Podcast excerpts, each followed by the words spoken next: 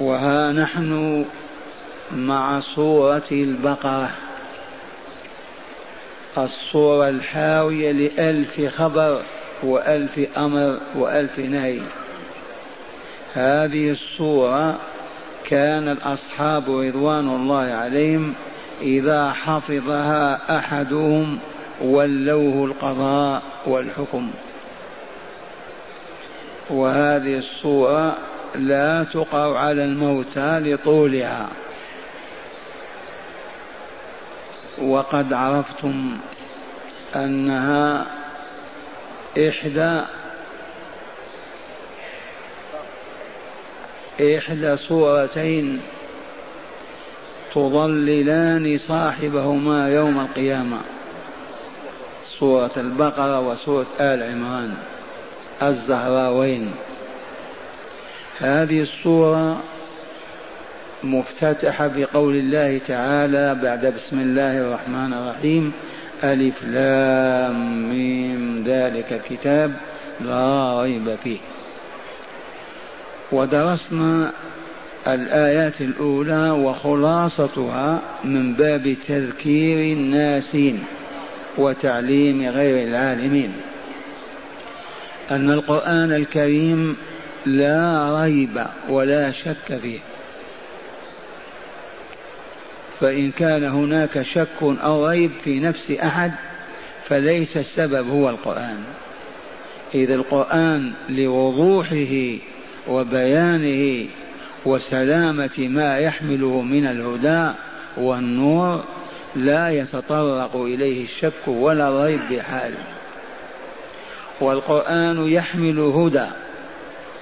ولكن للمتقين الذين آمنوا بالله ولقائه آمنوا بالله وكتابه ورسوله لهم في القرآن نور هداية إذا هم اتقوا ربهم خافوه فأطاعوه ففعلوا الأوامر وتجنبوا النواهي. هؤلاء يخبر تعالى أن لهم في القرآن هدى. ووصفهم بصفات نسأل الله أن تكون عندنا.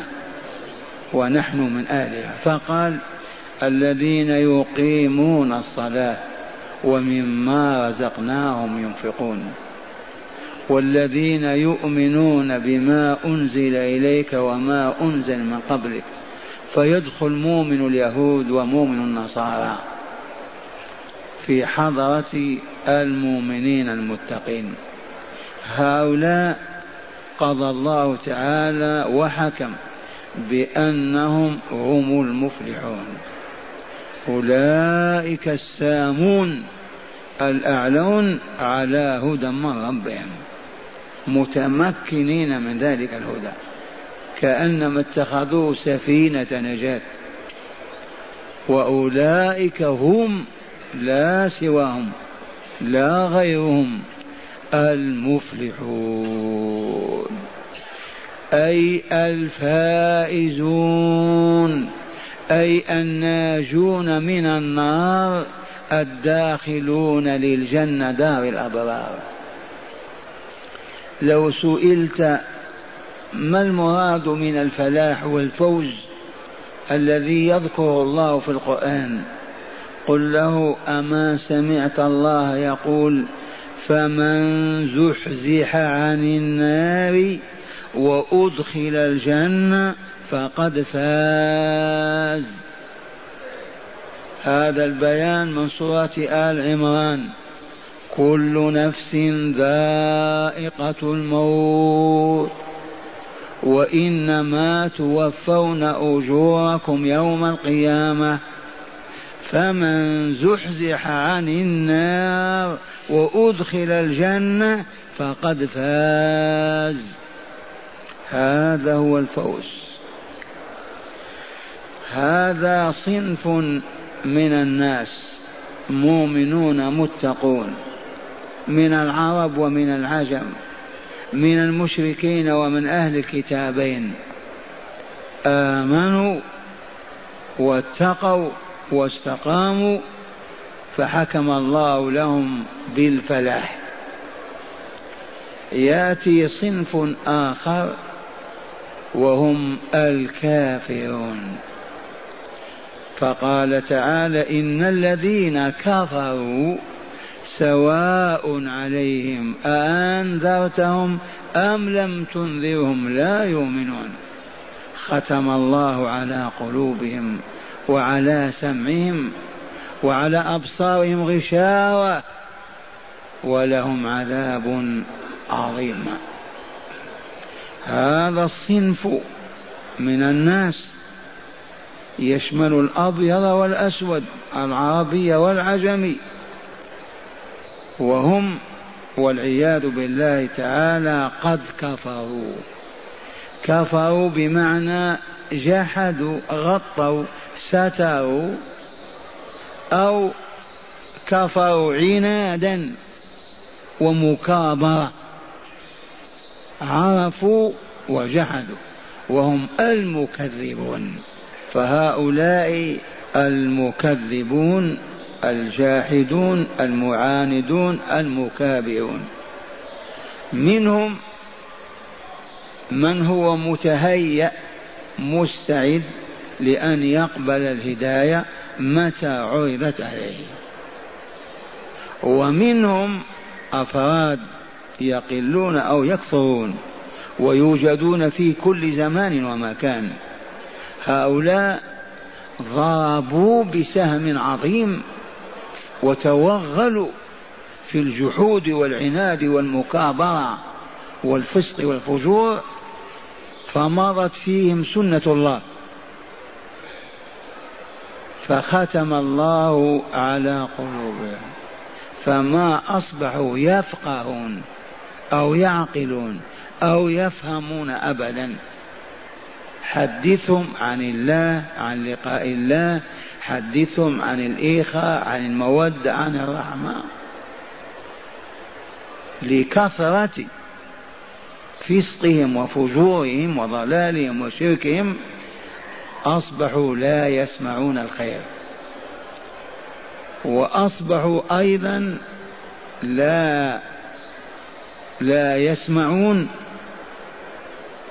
ولا يعقلون ويفهمون إذ ختم الله على قلوبهم. لا يدخلها نور ولا وعي ولا فهم ولا إدراك.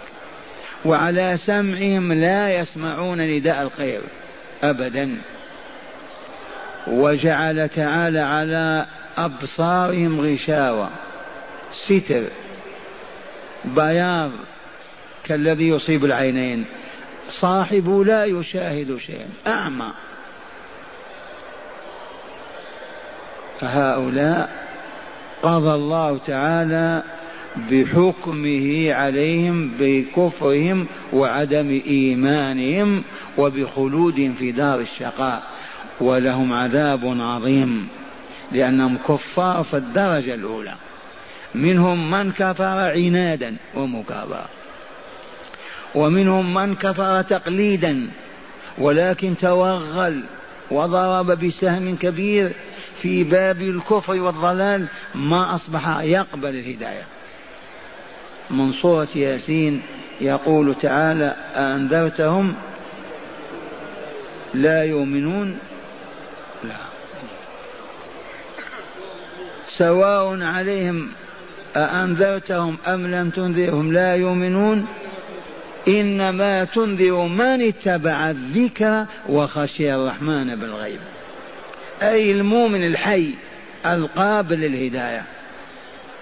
أما من تراكمت عليه ذنوبه وآثامه وجرائمه وموبقاته ما أصبح قابلا للهداية. فلا تكرب يا رسول الله ولا تحزن. لم يقل له لا تدعوهم لا تنذيهم لأن هذا غيب. والرسول لا يعلم الغيب. ما يفرق بين أبي جهل وبين أبي طالب. فمهمته أن ينذر وأن يبلغ ولكن لما يشعر بالألم في نفسه والحزن من أجل أنهم أعرضوا وعاندوا وكفروا يخفف الله تعالى عنه بمثل قوله. سواء عليهم أأنذرتهم أم لم تنذرهم لا يؤمنون. فهون على نفسك. إذا هؤلاء هم الكفرة هم الكافرون. هذا القسم الثاني من أقسام البشر الثلاثة. والآن مع القسم الثالث ولا رابع له وهو قسم المنافقين. فالناس صنفهم. ثلاثة أصناف. مؤمنون متقون. كافرون فاجرون. منافقون يأتون الأعمال الصالحة وينطقون بالشهادتين ويصومون أمام المسلمين ويجاهدون وهم مرضى. قلوبهم مظلمة. يظهرون الإسلام بالنطق والعمل ويبطنون الكفر والإلحاد في قلوبهم. هؤلاء هم المنافقون. قال تعالى فيهم ومن الناس من يقول آمنا بالله وباليوم الآخر وما هم بمؤمنين. يخادعون الله والذين آمنوا وما يخدعون قراءة سبية وما يخادعون إلا أنفسهم وما يشعرون. في قلوبهم مرض فزادهم الله مرضا ولهم عذاب أليم بما كانوا يكذبون. هؤلاء المنافقون. والسياق فيهم إلى كذا آية. لأنهم أخطر ما يكونون على المجتمع الإسلامي. الكافر كافر واضح صريح. ادعه رغبه أنذره خوفه. إن كان قد توغل في الشر والفساد سوف لا يسمع نداءك ولا يقبل دعوتك. وإن كان ما زال ما توغل في الفساد ما عنده منافع في كفره يحافظ عليها هذا يهتدي. ولكن المنافق يخاف أن يقتل بيننا إذا أعلن عن كفره. يقتل أو يتوب. يحافظ على ماله على شخصيته في المجتمع. ماذا يصنع؟ يتزيى بزي المؤمنين. ويأتي ما ياتونه من الأعمال الظاهرة كالصلاة والنفقه والجهاد. وهو مظلم النفس خبيثها هذا هو المنافق. ومن التعاليم المحمدية وأنتم تعرفون من هو محمد صلى الله عليه وسلم رسول الله. هذا أستاذ الحكمة ومعلمها.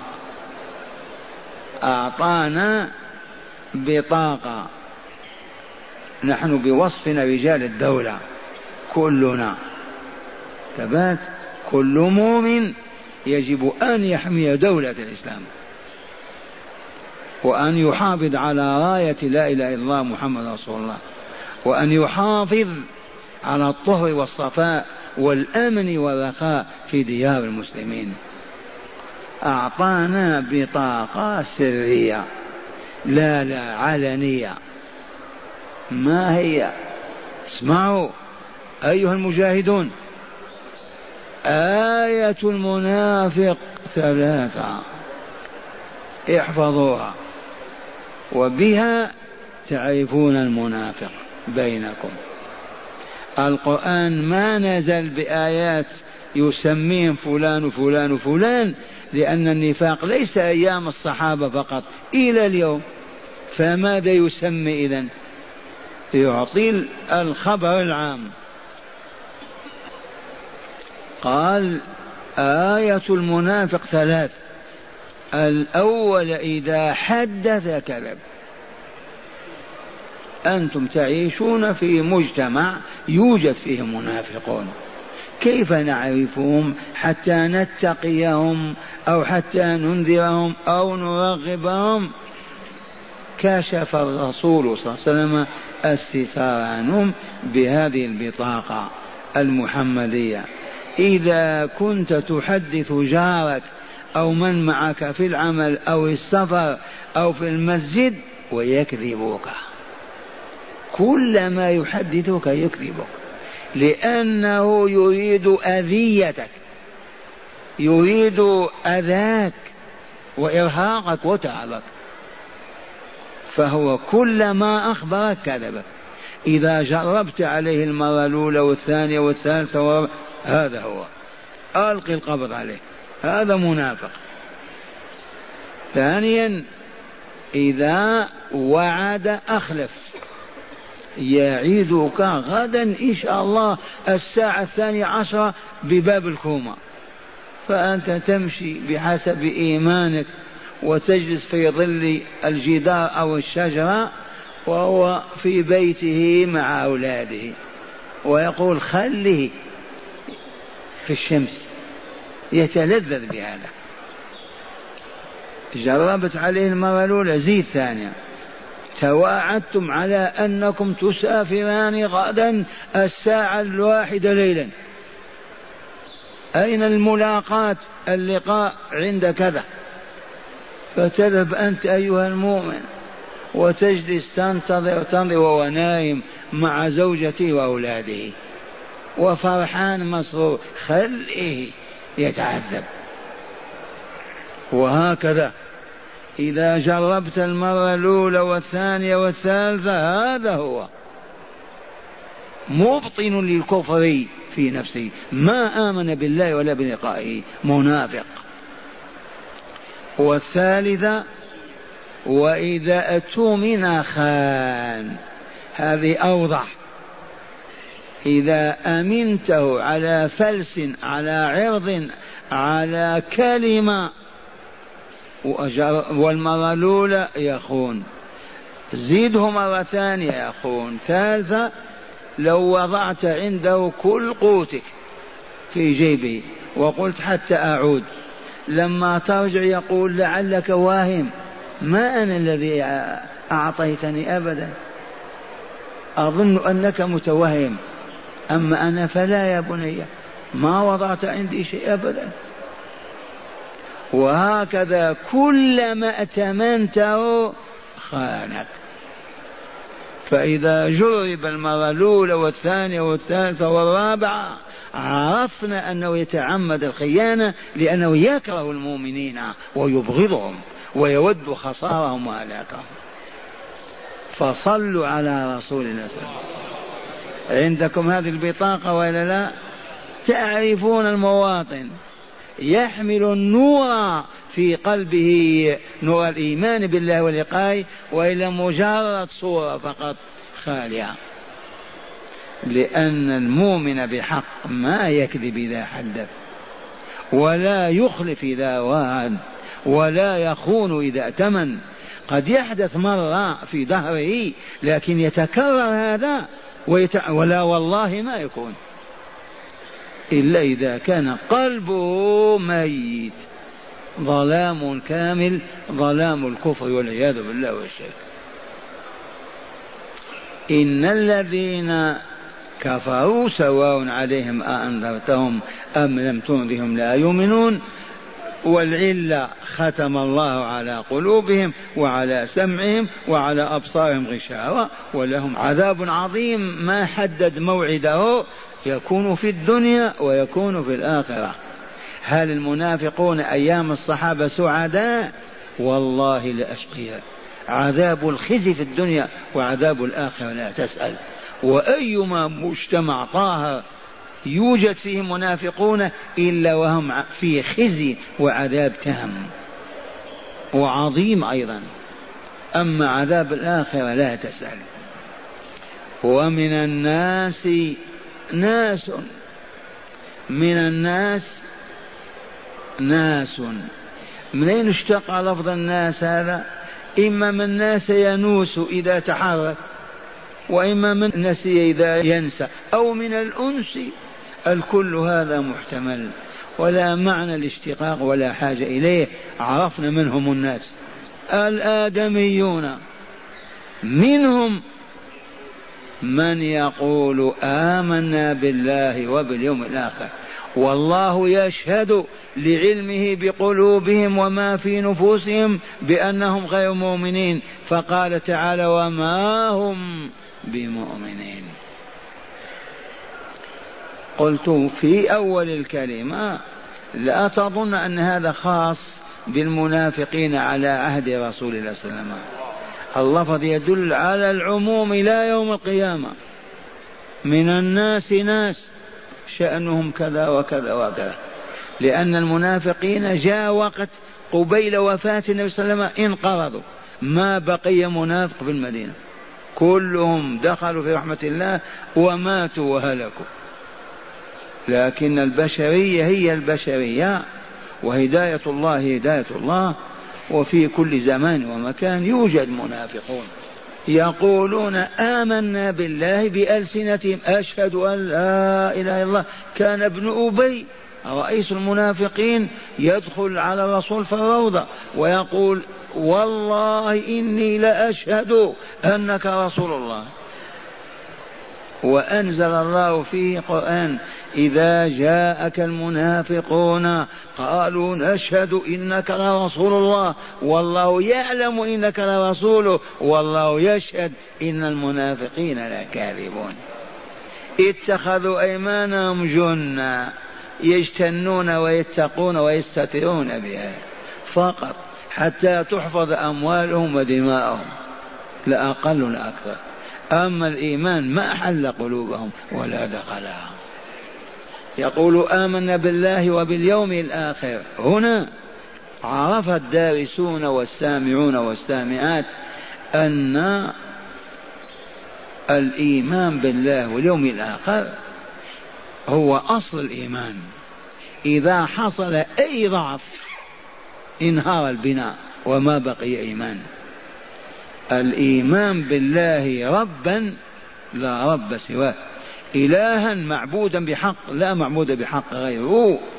موجودا عالما قديرا رحيما ذا صفات علا وأسماء حسنى.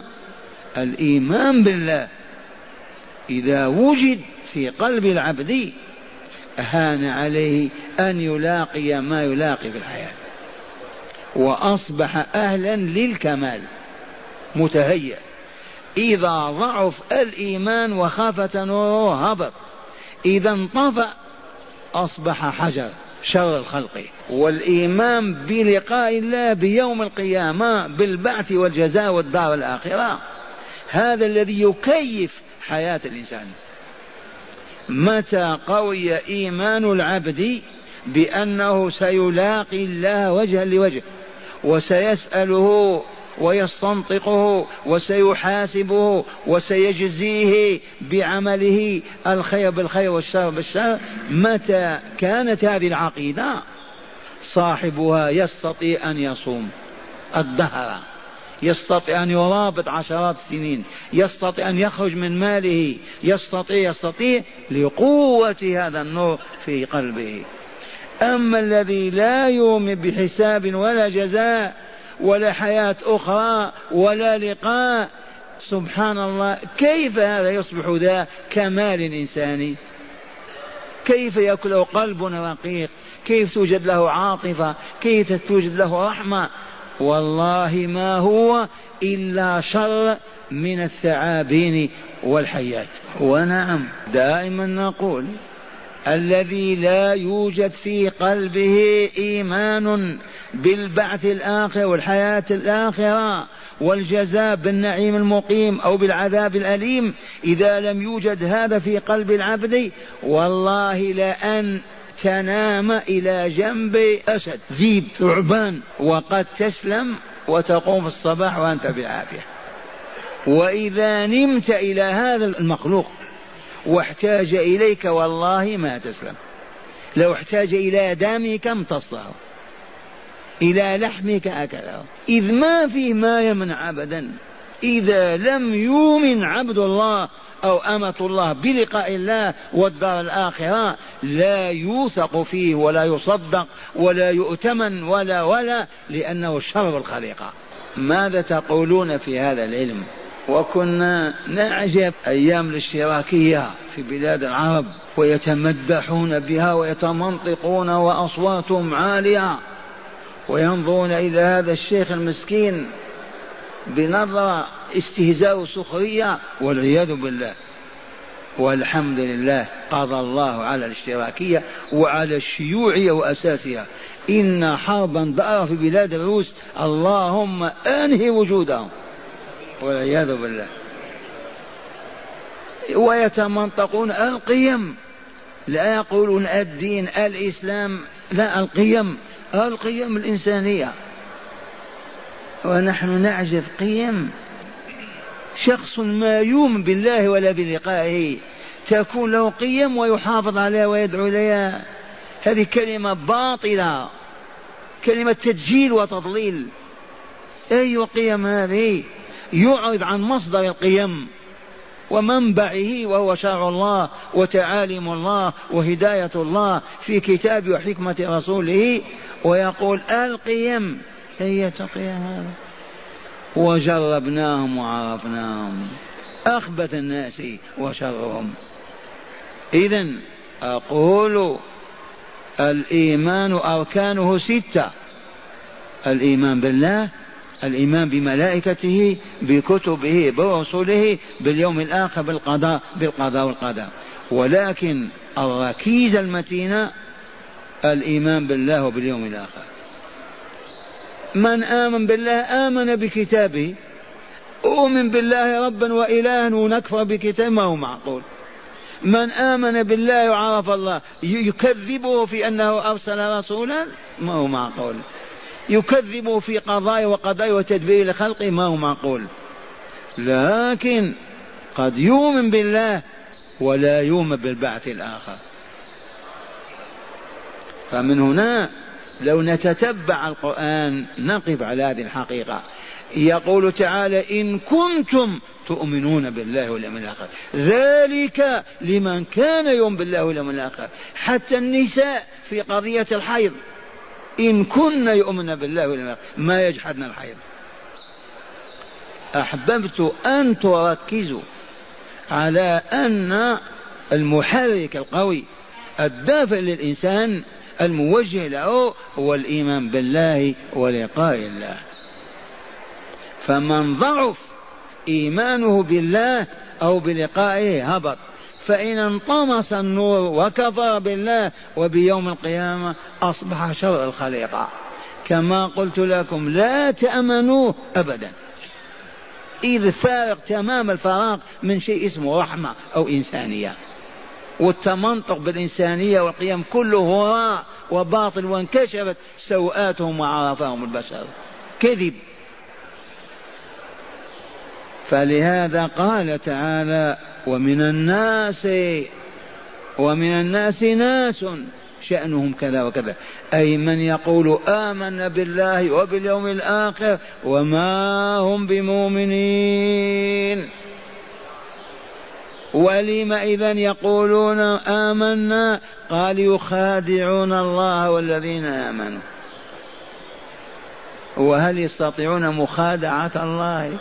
الله يعلم أسرارهم ونياتهم وخواطرهم وهو خالق أعمالهم. كيف؟ ولكن الجهل. كفروا بالله فيفهمون هذا الفهم. يخادعون الله والذين آمنوا. قال تعالى وما يخدعون إلا أنفسهم. والخداع هو أن تظهر الشيء النافع وتخفي الضار. من أجل أن تخدع به غيرك. هذا هو الخداع. هذا المخادع. يريك أمامك زيتون. تبات ليغرر بك. وإذا يحصى حتى تبيت جائعا. إذا فهم يرون الله والمؤمن أنهم مؤمنون. يشهدون الصلاة ويخرجون إلى الجهاد مع رسول الله. وما هم بمؤمن لما تفعلون نخادعهم سوف تنتهي هذه الدولة. سوف يموت محمد صلى الله عليه وسلم. ونعود إلى ما كنا. هي أيام فقط. وما يخدعون إلا أنفسهم وما يشعرون. من أين لهم الشعور؟ من أين لهم الإحساس؟ لا يبصرون ولا يسمعون ولا يفقهون ولا يعقلون. كيف إذا يشعرون بأنهم يخادعون الله وهو خادعون ما هنا مسألة علمية نحاول أن نحفظها إن شاء الله. ما هي؟ السؤال ما هو الإيمان؟ أهل العلم يقولون الإيمان عقد بالجنان بالقلب وقول باللسان وعمل بالأركان.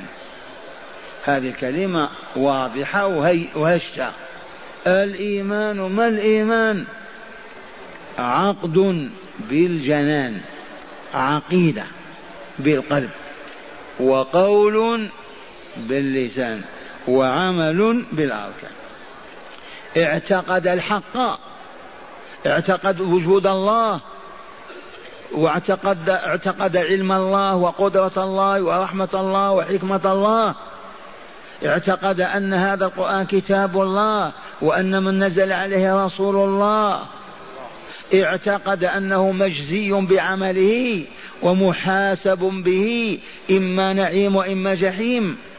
اعتقد هذا فليترجم بكلمة أشهد أن لا إله إلا الله وأن محمد رسول الله. اعتقد الحق. إذا وعربن عليه ودلل بقوله أشهد أن لا إله إلا الله وأشهد أن محمدا رسول الله. إذا اعتقد الحق وعربن عليه ودلل بماذا؟ بالشهادة بالنطق منطق. ما أبقى الإيمان في قلبه صرح بأنه لا إله إلا الله محمد رسول فآمن إذن بكل ما أمر الله بالإيمان به. ثم ودلل على صحة دعواه بأركانه بأن صام وصلى وجاهد وصابر وتجنب ما حرم الله.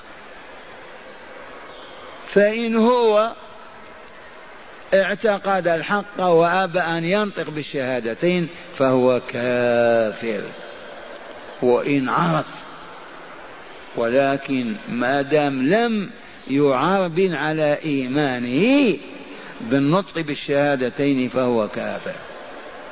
قطعا. أو يصح إيمان عبد ما ينطق بالشهادتين؟ وإن قال أنا عارف وعرفت وأنا مؤمن ولم يقل أشهد أن لا إله إلا الله وأشهد أن محمد رسول الله فهو كافر. فإن اعتقد الحق ونطق وعربا بالشهادتين وأبى أن يدلل بالأعمال الصالحة وترك المحرمات فهو فاسق. اعتقد الحق. ودلل أشهد أن لا إله إلا الله وأشهد أن محمد رسول الله ولم يحرم ما حرم الله ولم يحل ما أحل الله ولم ينهض بما أوجب الله فماذا تقولون فاسق لأن العقيدة سليمة وأعرب عنها ودلل لكن سلوكه أركانه ما استقامت إذا فاسق. يبقى المنافق من هو؟ الذي يعتقد الباطل ولا يعرب عليه ولا يدلل بل يدلل على الحق فيشهد أن لا إله إلا الله وأن محمد رسول الله ويدلل بالصلاة والجهاد وكذا وهو إذا منافق لأنه ما يحمل الإيمان في قلبه. ما هو بمؤمن؟ فقط من الخوف شهد.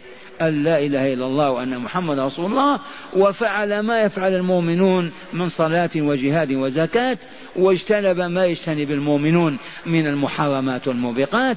هذا منافق لأنه أبطن الكفر وغطاه وغشاه في صندوق قلبه وأظهر ما يدل على أنه مؤمن فهو منافق. إذا الذي نقول المؤمن الحق هو الذي يعتقد الحق ويعرب عليه بالنطق ويدلل على صحته بالأعمال. هذا المؤمن. فإن اعتقد الحق ولم ينطق ولم يعرب على أنه يعتقد الحق. هذا ما نقول فيه كافر. كافر. ما شهد أن لا إله إلا الله وأن محمد رسول الله. كافر. فإن هو اعتقد الباطل وعربا عليه بالشهادتين ودلل بالأعمال الصالحة هذا منافق لأنه أبطن الكفر وغشاه وغطاه وما أضره لمنافع ومصالح دنيوية حفاظ على مركزه على ماله على وجوده في المجتمع الإسلامي. وقد يوجد الفساق عندنا مؤمن ولكن ضعيف الإيمان. ما ننسى مؤمن وعربا على إيمانه بالشهادتين بل يؤذن. وفي كل صلاة أشهد أن لا إله إلا الله وأشهد أن محمد رسول الله ولكن يرتكب المعاصي ويترك الواجبات. فهذا ماذا يسمونه؟ الفاسق. إذا ومن الناس من يقول آمنا بالله وباليوم الآخر وما هم بمؤمنين. من حكم عليهم بعدم الإيمان؟ الله. أما أنا أو أنت أو الطبيب أو الشيخ ما يستطيع. القلوب من يعلمها؟ الله فقط. فشهادة الله نعم. أما نحن نقول فلان منافق ما نستطيع.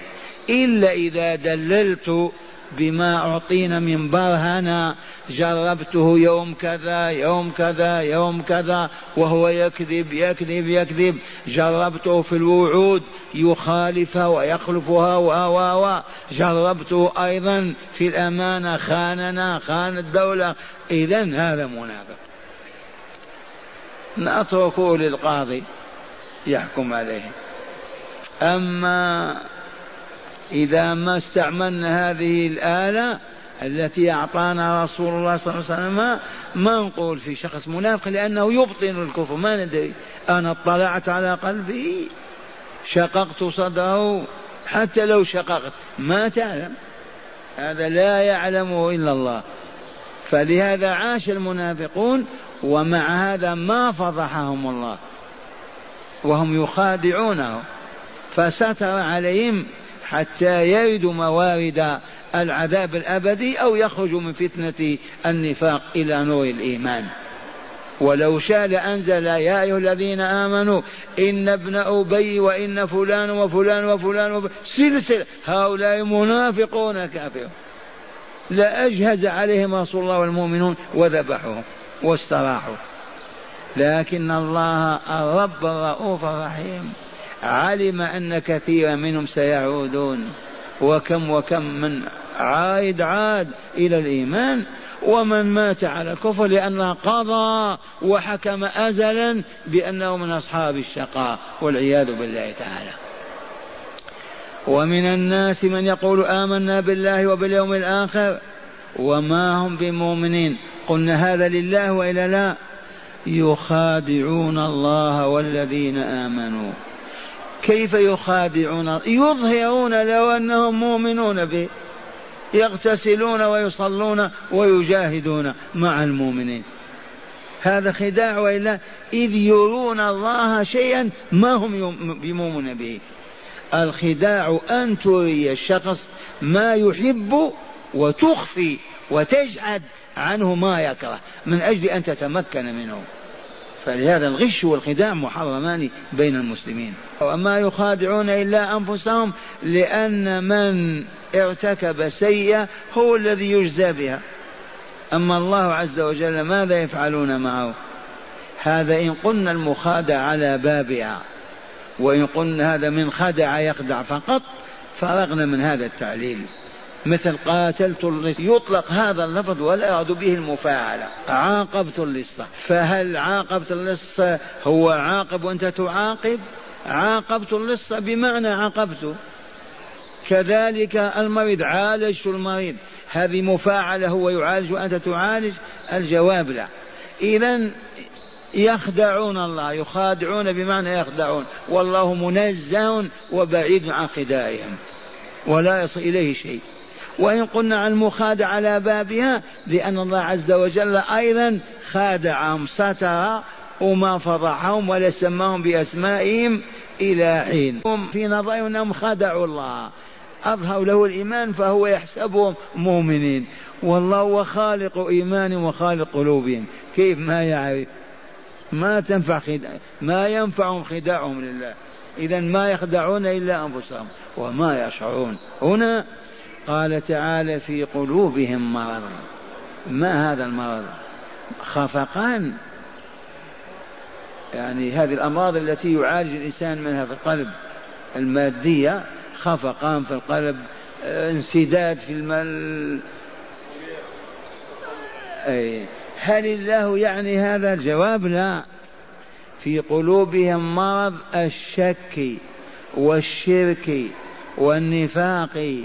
والكذب والحسد والبغض وما إلى ذلك من أمراض مستأصلة. لا تعالج إلا بالأدوية والعقاقير النافعة مرض الكفر الإيمان يذهبه. مرض النفاق الصدق يبرزه ويعالجه. مرض الحسد الإيمان بقسمة الله عز وجل يبعده. وهكذا هذه الأمراض شأنها خطير. وإذا تأصلت في المجتمع يا ويحه ما يسعد ولا يكمل. وكل منا مطالب بتطهير قلبه وتصفيته. وقد كررنا هذا القول نعيده المجتمع الإسلامي من المدينة النبوية إلى أندونيسيا. المجتمع الإسلامي يوجد فيه أمراض كثيرة. أمراض القلوب أي الحسد البغض الشح الكبر. توجد أمراض. ما علاجها؟ مستشفيات موجودة المستشفيات لعلاج الأمراض المادية التي تعالج بالأدوية. لكن هذه القلوب لا تعالج إلا بالكتاب والحكمة بنور الله سبحانه وتعالى. فالطريقة الحقيقية هي أن يجتمع أهل القرية في جامعهم الذي يجمعهم بنسائهم وأطفالهم ورجالهم. من المغرب إلى العشاء وذلك كل ليلة وطول العام بل وطول الحياة. هذا نظام حياتهم. يتلقون الكتاب والحكمة كل يوم.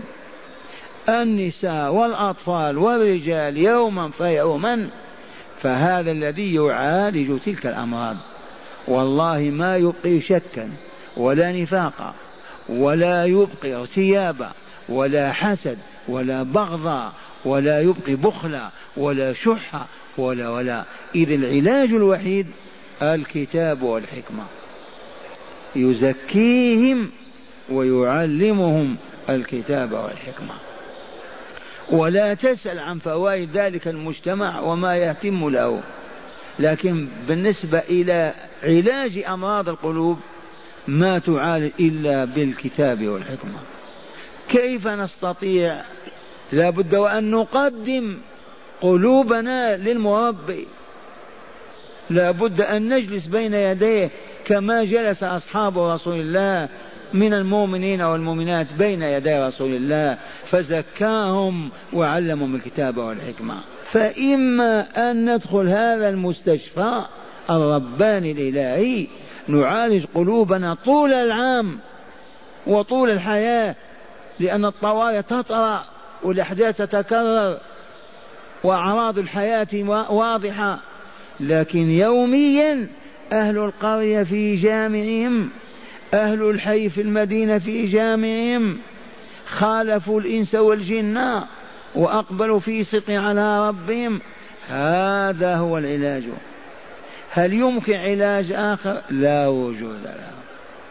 نعم يوجد أفراد يجتمعون حول شيخ يزكيهم ويربيهم لكن أفراد غير أمة كاملة غير أهل قرية بنساء وأطفالها. وهذا هو كتاب المسجد وبيت المسلم.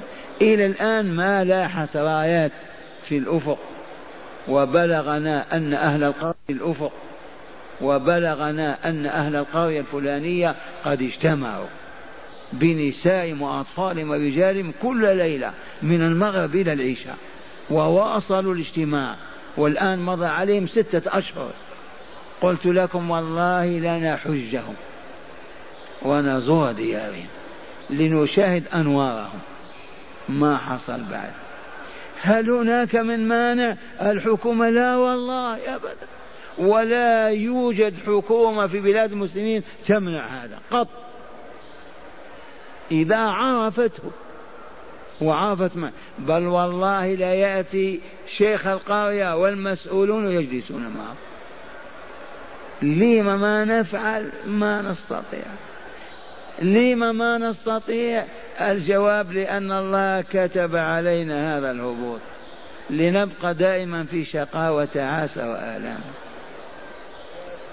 إذا القلوب تحتاج إلى علاج وإلا لا في قلوبهم مرض فزادهم الله مرضا. نعم المرض إذا ما يعالج يزداد وإلا لا؟ عندما يظهر المرض في الجسم بادر إلى الطبيب بادر إلى الحمية والدواء. فإن أنت تساهلت وما باليت أو خلي يستأصل المرض ويستشري والطبيب يقول فات الحال. ما أصبح قابل للعلاج. وهذا الذي قدمناه في الذين كفروا سواء عليهم أنذرتهم أم لم تنذرهم. لماذا؟ تأصل المرض فيهم تمكن من قلوبهم. فكذلك النفاق. فزادهم الله مرضا ولهم عذاب أليم. الأليم تعرفونه العذاب ما العذاب يا راضي؟ العذاب ألم يزيل عذوبة الحياة. جوع عطش. برد حر إهانة ضرب بالسياط تغليل بالأغلال يذهب عذوبة الحياة. تعرفون العذاب؟ ما به تذوب تذهب عذوبة الحياة. والأليم الموجع وهذا أيضا لهم في الدنيا وفي الآخرة. هل المنافقون سعداء في الدنيا؟ يبيتون في كرب. ويظلون في آخر. ولا تسأل إذا ماتوا ماذا يلحقهم ولهم عذاب أليم. ولهم عذاب أليم بسبب ماذا؟ بما كانوا يكذبون. أي بسبب كذبهم على الله وعلى رسوله وعلى المؤمنين إذ يزعمون أنهم مؤمنون ويتمنطقون ويشهدون وهم ليسوا بمؤمنين. كذبوا وإلا لا؟ ما هو الكذب؟ هو خلاف الظاهر. يقول خلاف الحق. عنده شيء يقول والله ما عندي كذب؟ فلان سافر وهو في بيتي كذب. إذا يدعون أنهم مؤمنون وما هم بمؤمنون فهم كاذبون. إذا هذه التربية العجيبة. عرفتم الكذب ولا لا؟ يكذبون. هل يصح من مؤمن كذب؟ والله ما وهل مؤمن عرف الله ولقاه يكذب أيضا؟ ممكن في العام العامين إبراهيم أظن كذب أربع مرات ثلاث مرات في أكثر من 120 سنة. وما هو بكذب حقيقة تورية فكون المؤمن كل يوم يكذب فهذا ما هو بمؤمن. فافهموا هذا واسألوا الله أن يثبتنا وإياكم. نسمع الآيات من شرح الكتاب. شرح الكلمات ومن الناس أي من بعض الناس. من يقول آمن بالله أي صدقنا بالله ربا وإلها لا إله غيره ولا رب سواه. وباليوم الآخر صدقنا بالبعث والجزاء يوم القيامة. يخادعون الله بإظهارهم الإيمان وإخفائهم الكفر. وما يخدعون إلا أنفسهم. أي إذ عاقبة خداعهم تعود عليهم لا على الله ولا على رسوله ولا على المؤمنين. وما يشعرون أي لا يعلمون أن عاقبة خداعهم عائدة عليهم. في قلوبهم مرض أي شك ونفاق وألم أيضا. ألم الخوف من افتضاح أمرهم والضرب على أيديهم. فزادهم الله مرضا أي شكا ونفاقا وألما وخوفا حسب سنة الله في أن السيئة لا تعقب إلا سيئة. هذه سنة مضطردة. ما دام وجد المرض يزداد. عذاب أليم قال موجع شديد الوقع على النفس. مناسبة الآية لما قبلها وبيان معناها قال لما ذكر تعالى المؤمنين الكاملين في إيمانهم وذكر مقابلهم وهم الكافرون البالغون في الكفر منتهاه ذكر المنافقين وهم المؤمنون في الظاهر الكافرون في الباطن وهم شر من الكافرين البالغين في الكفر أشده أخبر تعالى أن فريق من الناس وهم المنافقون المنافقون يدعون الإيمان بألسنتهم ويضمرون الكفر في قلوبهم يخادعون الله والمؤمنين بهذا النفاق ولما كانت عاقبة خداعهم عائدة عليهم كانوا بذلك خادعين أنفسهم لا غيرهم ولكنهم لا يعلمون ذلك ولا يدرون به. كما أخبر تعالى أن في قلوبهم مرضا وهو الشك والنفاق والخوف وأنه زادهم مرضا عقوبة لهم في الدنيا وتوعدهم بالعذاب الأليم. في الآخرة بسبب كذبهم وكفرهم والعياذ بالله.